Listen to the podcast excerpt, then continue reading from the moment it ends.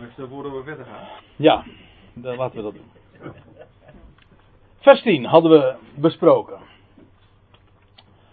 Als de volwassenheid komt, als de Ecclesia volwassen wordt, dan zal het stuksgewijze afgedaan hebben. Ik wil u meenemen naar Efeze 4. En ik heb een dia gemaakt waarbij de letters wat kleiner zijn om het even het hele gedeelte vanaf vers 11 te kunnen projecteren in één, op één dia, zodat je ook het geheel en het overzicht houdt. Pak er even de Bijbel bij, MBG of de Statenvertaling. Want dan zie je dat wat Paulus zegt in 1 Korinthe 13 over die volwassenheid die nog moest komen, daarover heeft hij het ook in Efeze 4. Alleen gaat het dan niet over die gaven van kennis, van profetie en van spreken in tongen. Maar dan heeft hij het over andere gaven. Het is ook heel onbekend hoor, wat ik nu ga vertellen. Maar moet het maar eens lezen. Hij, gaat het over Christus, die opgevaren is naar de hoge, dat is het voorgaande vers. Hij heeft zowel apostelen als profeten gegeven, zowel evangelisten als herders en leraars. Om de heiligen toe te rusten, of aan te passen staat er eigenlijk, tot werk van bediening, tot opbouw van het lichaam van Christus. Gaat het altijd maar door? Nee, dan staat er Totdat. Dus hij heeft die, die gaven, die vijf gaven die hier genoemd worden, apostelen, profeten, evangelisten, herders en leraars, die heeft hij gegeven met een speciaal oogmerk, namelijk om de heilige toe te rusten, tot werk van bediening, tot opbouw van het lichaam van Christus. Ik ga daar nu niet te diep op in, ik wil even het totaalplaatje laten zien. Maar het heeft een totdat. Totdat wij allen als geheel de eenheid van het geloof. Dat wil zeggen, het was eerst nog ook stuksgewijs, maar totdat we e- de eenheid van het geloof en de volle kennis van de Zoon Gods bereikt hebben. De mannelijke rijpheid. En hier heb je weer dat woord wat we in 1 Corinthië 13 ook zagen, namelijk die volwassenheid. En wat hier dan vertaald wordt met rijpheid.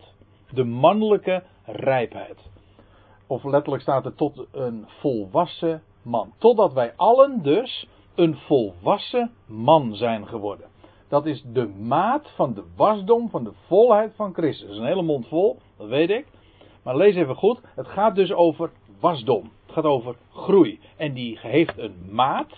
En als die maat vol is, dan spreken we over volwassenheid. Wel, dan is daar de volle kennis van het Zoon van God. Dan is ook het geloof één geworden. Dat wil zeggen, het zijn maar niet stukjes geloof, maar het is tot een eenheid gesmeed. En die gaven zijn dan niet langer meer nodig. Als de Ecclesia volwassen is, dan zal God, die van de apostelen en profeten is bekend, die horen bij het fundament. Maar ik zal u vertellen, die evangelisten en herders en leraars die God ooit gaf, horen ook bij de begintijd.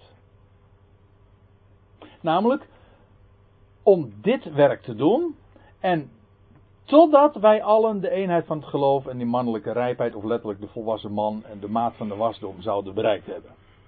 En dan, als we dus eenmaal volwassen zijn, dan zijn we niet meer onmondig, dat wil zeggen, dan zijn we geen baby's meer op en neer, heen en weer geslingerd onder invloed van allerlei wind van leer door het valse spel der mensen in een sluwheid die tot dwaling verleidt. Er is veel meer over te zeggen dan ik nu doe, want ik bespreek niet Efeze 4. Het gaat mij puur even om de connectie dat in Efeze 4, net als in 1 Korinthe 13, gesproken wordt over onmondigheid en de volwassenheid. En in die kinderlijke fase horen bepaalde gaven, bepaalde uitingen. Dat zagen we in 1 Corinthië 13. Hier in Efeze 4 zien we het ook. Namelijk bepaalde gaven die God gegeven heeft in de begintijd. En als eenmaal de gemeente een volwassen man is geworden, dan heeft dat opgehouden. En vanaf die tijd is de Ecclesia als geheel niet meer onmondig, op en neer, heen en weer geslingerd. Dat wil zeggen dat de volwassenheid is dan aangebroken, de volle kennis is er, de, het geloof heeft, is tot eenheid gesmeed. Dat wil zeggen dat wat geloofd wordt, dat is één, gecompleteerd in de schriften, zwart op wit gelegd, woord Gods gecompleteerd. En dan hoeven we, is er dus geen enkele reden meer om uh, heen en weer geslingerd te worden door onder invloed van allerlei wind van leer, door het valse spel der mensen. Maar dan groeien wij, maar nu gaat het over de individuen. Dat is heel opmerkelijk, hè? De gemeente als totaliteit heeft dan de volwassenheid bereikt, maar dan groeien wij individueel ons aan de waarheid, die dan inmiddels compleet zal zijn, die inmiddels zwart op wit gelegd is, die dan inderdaad af is, dan groeien wij ons aan de waarheid houdende in liefde in elk opzicht naar Hem toe die het hoofd is, Christus. Ja, dit is een, een geweldig gedeelte waar elke zinsnede, waar haast elk woord een veel grotere bespreking verdient. Maar het bijzondere hiervan is dus dat hier dezelfde ontwikkelingsgang beschreven wordt als ook in Efeze, pardon, als in 1 Korinthe 13. Kinderlijke fase waar bepaalde gaven horen en als de volwassenheid aanbreekt, heeft het onvolkomene afgedaan, dat stuksgewijze. En hier zie je dat ook, die gaven zijn er totdat. En dan is het geheel volwassen. En vervolgens individuele gelovigen groeien nog stop. Ik bedoel, als gelovigen maken we ook een groei door. De gemeente als geheel is sinds de schriften compleet zijn volwassen, maar gelovigen individueel groeien op. En dat, dat zie je hier ook. Dan is de gemeente dus een volwassen man. En deze gaven horen dus inmiddels ook tot het verleden. Dit zijn allemaal, heeft te maken met de tijd dat de schriften nog niet compleet waren. God geeft nu dus geen evangelisten, herders en leraars meer. Begrijp me goed. Wel, het, een mens kan het werk van een evangelist doen. Het werk van een leraar, wat ik nu doe, is het werk van een leraar. Je legt iets uit, je laat dingen zien. Je kan het werk van een herder doen, pastoraal. Maar dit zijn gaven die te maken hebben met de tijd dat het woord van God nog niet compleet was. En van al deze vijf gaven kun je zeggen, die hebben ons het Nieuwe Testament opgeleverd. Het zijn de apostelen en profeten die als evangelisten en als herders en als leraars ons het Nieuwe Testament hebben gegeven en opgetekend en geschreven. Het gaat hier dus over de schrijvers van het Nieuwe Testament. Zij die ons de, de waarheid die wij nu kennen hebben doorgegeven en ook geboekstaafd hebben. En die hebben dat inmiddels gedaan. En nu kunnen wij in dat, de schriften die zij als nalatenschap hebben gegeven, daar rusten wij ons in. Daar rusten wij op en nu zijn we niet meer onmondig en is er geen enkele noodzaak voor een gelovige nog om heen en weer geslingerd te worden als je staat op dat fundament. En dan kunnen we ons ook aan de waarheid houden die zwart op wit staat. Dat is het grootste, het rijkste wat is. Het is compleet. En mensen, in feite ben je dus heel conservatief als je nu nog uh, aan deze uh, dingen vast wil houden. We zeggen dat er nu nog, nog steeds bepaalde gaven zijn die, waarbij mensen boven de anderen staan. Dan ben je nog steeds in de onmondigheidsfase. Hier. Als dit was, toen God deze gave gaf, was de Ecclesia nog onmondig, nog geen volwassen man. Toen waren er dus ook nog mensen die inderdaad met gezag over de ander konden spreken. Paulus kon het woord God spreken met gezag boven de ander. Nu is er niemand meer. Niemand kan, niemand kan meer claimen, ik, ik spreek het woord van God, jij moet naar mij luisteren. Niemand. De schriften zijn compleet. En elkaar kunnen we daarop wijzen. Dat is de waarheid die compleet is. De een staat niet meer boven de ander. De gemeente is een volwassen man. We zijn niemand van ons, ook de, iemand die, die gisteren tot geloof gekomen is en volstrekt onbekend is, die is, die hoort bij die volkomen man. En die mag staan en op die waarheid en daaraan vasthouden en daarin groeien. Vind het buitengewoon belangrijk om dit ook goed vast te houden. Zodat je dus niet laat aanleunen dat mensen, zeg maar, gezag over jou menen te moeten, geestelijk gezag en autoriteit over jou uitoefenen, want dan ben je nog steeds in de onmondigheidsfase. De gemeente, de Ecclesia, is een volwassen man. En we zouden staan in die volwassenheid. En zo kunnen we ook allemaal elk werk doen. Ook het herderlijk werk. Het werk van een evangelist kan elke gelovige doen. In principe. Dat woord van God is immers compleet. Ik neem u nog even naar een ander gedeelte mee. Ehm, dat was even kort Efeze 4. Nu neem ik u mee naar het laatste hoofdstuk, nee, ene laatste hoofdstuk van 2 Timotheus. Sla het ook even op met me. Ik heb het op de dia staan, maar.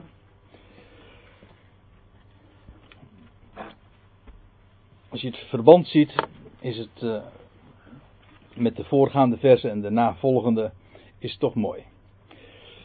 En ook duidelijker. Paulus schrijft hier zijn geestelijk testament. Het is de laatste brief, vlak voor zijn verscheiden. Hoofdstuk 4 lees je ook dat hij dat zo zegt.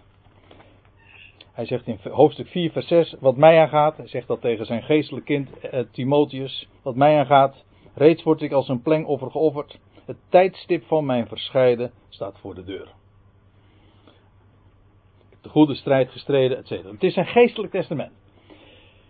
En waar Paulus in zijn laatste brief mee bezig is, ja, is zijn medewerker, zijn jonge medewerker Timotheus aan te moedigen, maar ook te wijzen op het woord van God. Hij, Paulus is ook in de gevangenis nog bezig die schriften bij elkaar te brengen. Hij zegt ook in het, vierde hoofdstuk dat hij, de, dat hij de, de boeken mee moet nemen en de perkamenten. Hij is bezig een bibliotheek, de Bijbel, achter te laten. Hij, Paulus ging het woord van God compleet maken. De schriften. Ik weet wel, het wordt altijd verteld van ja, die Bijbel die is pas afgemaakt, afgerond, de kanon in, in, de, de vierde eeuw.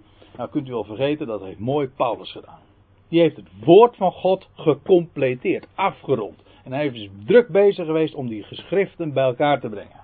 En zo als bibliotheek aan Timotheus over te geven. En dan zegt hij, en nou, ja, ik heb hier op de dia vers 16 staan, maar lees even met mij mee in vers 14. Blijf gij echter bij wat u geleerd en toevertrouwd is, wel bewust van wie gij het hebt geleerd. En dat gij van kindsbeen af de heilige schriften kennen, kent, die u wijs kunnen maken tot redding door het geloof in Christus. Timotheus, daarvan weten wij, hij had een Joodse moeder. Hij had een niet-Joodse vader. Daarom was hij ook. Uh, Paulus heeft hem ooit ter wille van de Joden laten besnijden. Doet nu even niet de zaak, maar in ieder geval, hij heeft een Joodse opvoeding genoten. Hij was dus naar officiële maatstaven, volgens de Joodse optiek, een Jood, want hij had een Joodse moeder. En uh, zijn grootmoeder, zijn namen vinden we ook in de Bijbel vermeld: Eunice en Lois. Zeg ik het goed? Ja. Of omgekeerd, dat weet ik even niet. Maar in ieder geval, hij had zo'n Joodse opvoeding ook genoten. Hij kende van kindsbeen aan de heilige schriften. De Tenach. Wat wij het Oude Testament noemen. Kende, daar is hij mee groot geworden. En nou zegt hij, zegt Paulus, elk van God ingegeven. Hey.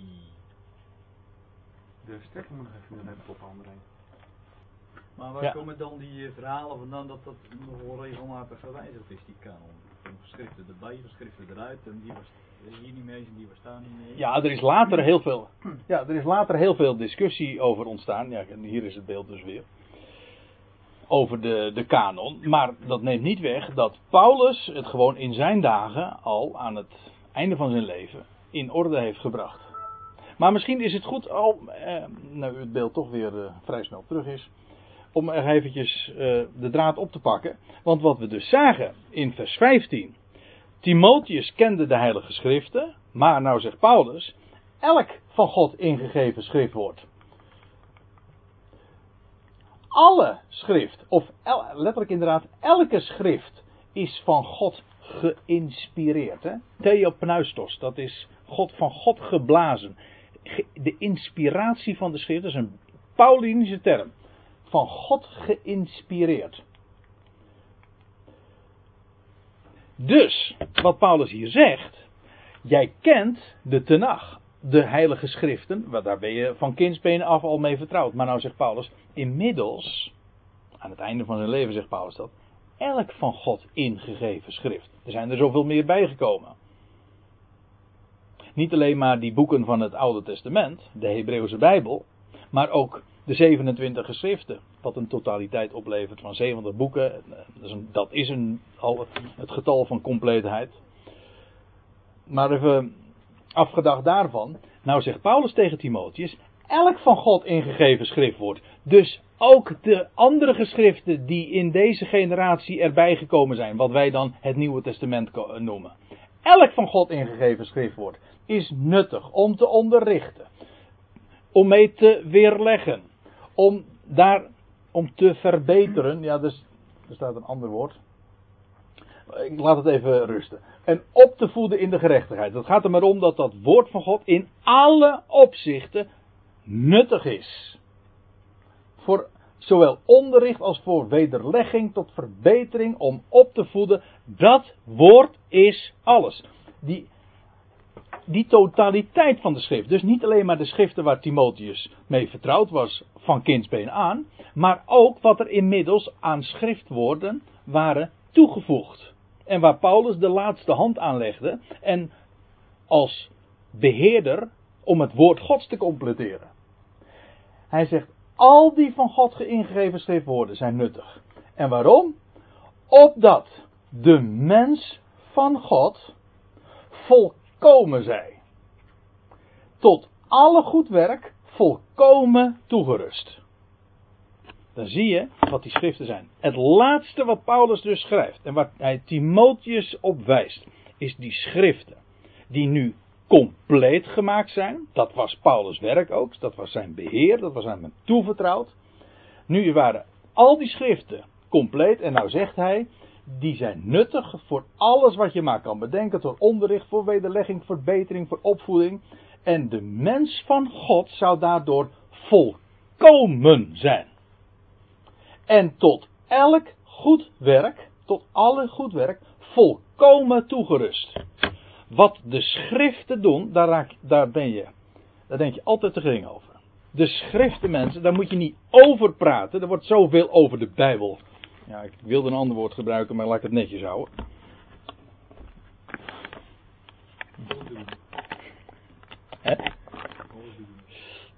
Uh, er wordt zoveel over die Bijbel gepraat, maar je moet niet over die Bijbel praten. Je moet die Bijbel gewoon openen, kijken wat erin staat geschreven. En dan zegt Paulus erover: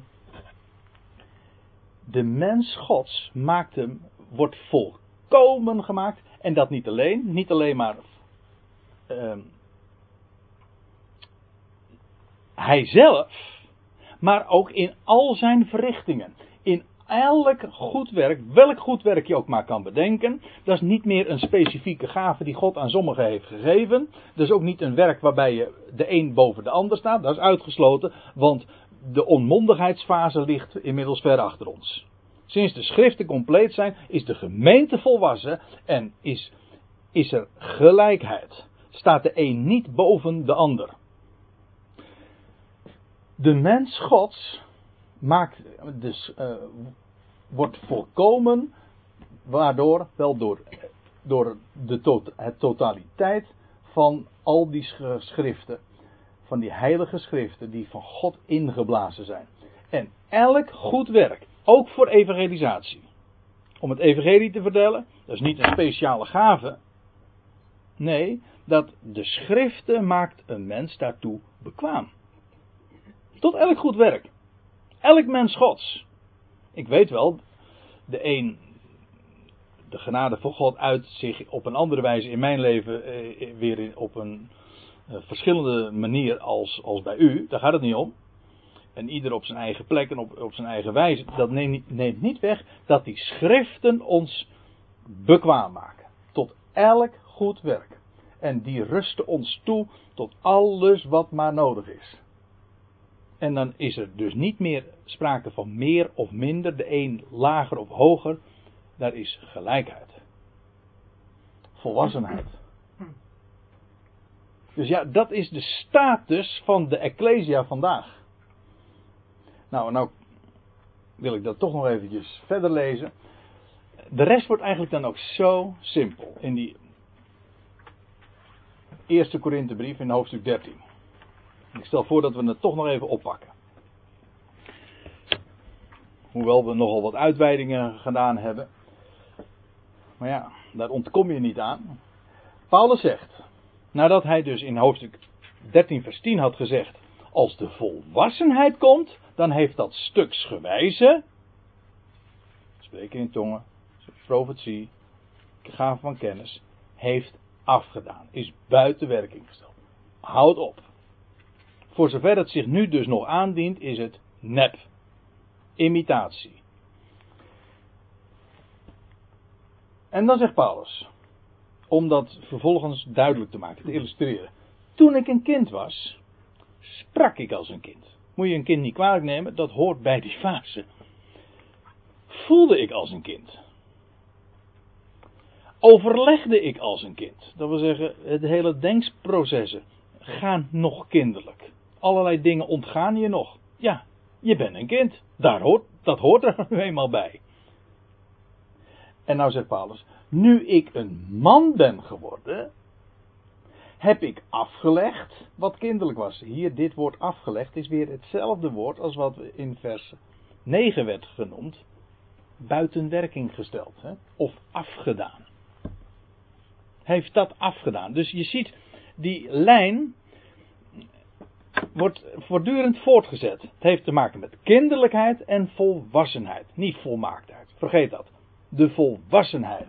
En dan houdt het kinderlijk op. Het spreken, het voelen, het overleggen als een kind. Nee, als je een man bent worden, heb je afgelegd, heeft het kinderlijke afgedaan. En spreek je als een volwassene.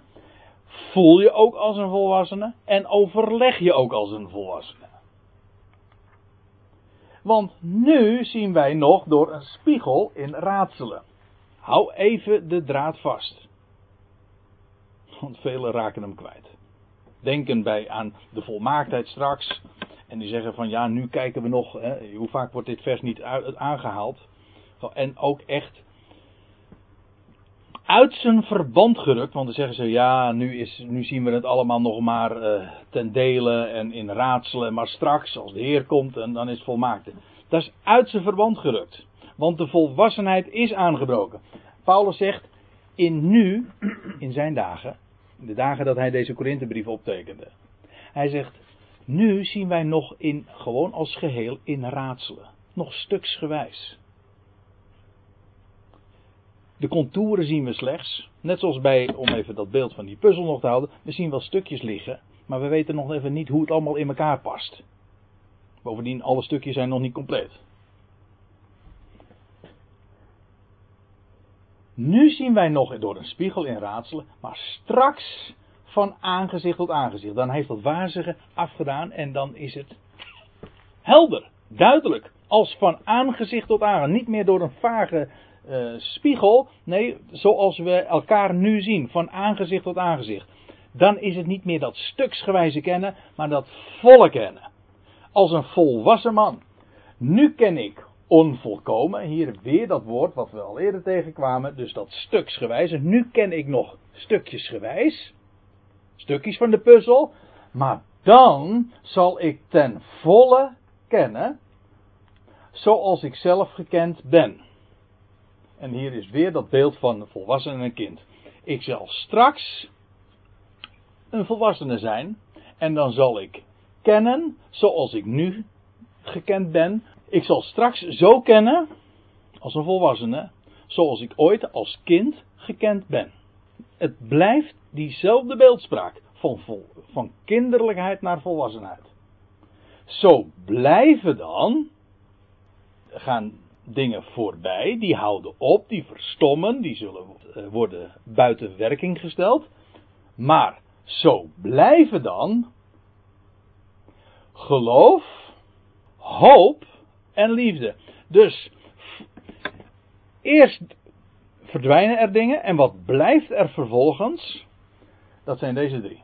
Dus sinds dat de schriften compleet zijn, is het, komt het aan op geloof in dat wat er staat geschreven. Hoop, dat wil zeggen verwachting, die is vastgelegd, zwart op wit. En liefde, de liefde Gods. Deze drie. Maar de meeste van deze, of de grotere van deze, dat staat, dus, staat er letterlijk, de grotere van deze is de liefde. En waarom dat zo is, is niet zo moeilijk, want die liefde verdwijnt namelijk nooit. Kijk, van geloof en hoop weten we dat die ook zullen voorbijgaan. Als de Heer straks komt, eh, dan zal geloof worden verwisseld door aanschouwen. De hoop, u weet, er staat in Romeinen 8, hoop die gezien wordt is geen hoop. Wij verwachten nu nog. Maar straks, als de verwachting werkelijkheid wordt, ja, dan, dan hopen we niet meer. Dan, dan is het werkelijkheid geworden. Dan is dus, dan zien we namelijk. Dus zowel geloof en hoop, die nu nog steeds zijn, die zullen uiteindelijk ook verdwijnen. Beide zal, zullen plaatsmaken voor aanschouwen. Wel, zegt Paulus. Nu blijven geloven, hoop en liefde, maar de, de grotere van deze is de liefde, om de simpele reden dat de liefde nooit voorbij gaat. Ook als geloof en hoop inmiddels voorbij gegaan zijn doordat het verwisseld is door aanschouwen, dan blijft de liefde. Sterker nog, die liefde die, die groeit. In die zin ook van besef. Zodat het uiteindelijk heel de schepping en al, heel de mensheid zal omvatten. Dus als ik het even in schema mag zetten, dat is dan het laatste wat ik doe. Je krijgt drie fases die Paulus hier in 1 Corinthië 13 neerzet. Je hebt de fase van onmondigheid. Wat zal hebben afgedaan. En dat uh, hij had genoemd in vers 7, wat was het? Nee, vers 8. In vers 8 had, noemde hij profeteren, spreken in tongen en, en kennis. Ze zullen opgehouden hebben of ze zullen verstommen. Ophouden. Die zullen hebben afgedaan. Wat blijft, is, als de volwassenheid aangebroken is, dat is geloof, hoop en liefde. Dat is wat blijft. En wat uiteindelijk blijft en wat nimmer meer vergaat, maar dat was vers 8, deel 1, de liefde vergaat nimmer meer, wat nooit voorbij gaat, ook niet als de Heer straks teruggekomen zal zijn, ook niet als geloof en hoop verwisseld zal zijn in aanschouwen, dan blijft de liefde. Zodat je hier dus inderdaad in 1 Korinthe 13, in vers 8 tot en met vers 13, drie fases, je zou haast zeggen een drietrapsraket is. Dit heeft afgedaan in de dagen dat de schriften gecompleteerd werden, dat het woord van God af was. Dit is sindsdien wat blijft. En als straks de Heer teruggekomen zal zijn en geloof en hoop zullen zijn verwisseld door aanschouwen, dan is wat overblijft de liefde. De liefde Gods. Vandaar dat dat die overtreffende weg is die Paulus getoond heeft in 1 Corinthië 13. Als hij zegt in hoofdstuk 12, en ik, ik toon u een weg die veel hoger gaat, die overtreffend is, dan is dat dit. Want dat is de liefde Gods die nooit voorbij gaat. En dat, waarom brengt hij dat ter sprake? Omdat al deze dingen, waar die Corinthiërs zo hoog over opgaven en waarvan zij dachten dat het het meeste was, in werkelijkheid was het zeer tijdelijk en in die generatie nog zou dat al ophouden. Waarna vervolgens dit overblijft. En daarmee zijn wij toch gekomen aan het einde van de bespreking van hoofdstuk 13. En dat lijkt me ook een mooi moment om een punt achter te zetten. Voor, uh, vanavond, voor vanavond dan, ja.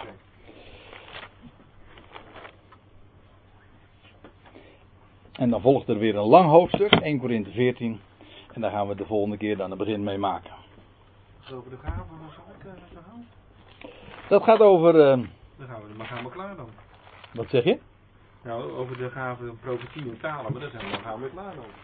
Nou, we weten nu in ieder geval al wel hoe het zit en dat het voorbij is. Voor, voor ons is hoofdstuk 14 inderdaad een stuk minder actueel dan voor de Corinthiërs in die dagen. Ja. Maar we gaan het wel bespreken. Ja, dat is goed. Want we zullen er ook nog een heel aantal hele bijzondere dingen zien. Uh, die ook velen ontgaat. Dus denk nou niet dat je. dat 1 Korinthe 14 eigenlijk voor, uh, voor niks in de Bijbel staat. Ik lig niet op. ik ben, nee, ik ben, ik ben geen oplichter. Maar meer doorlichter. Oké. Okay. Zullen we met elkaar nog uh, afsluiten?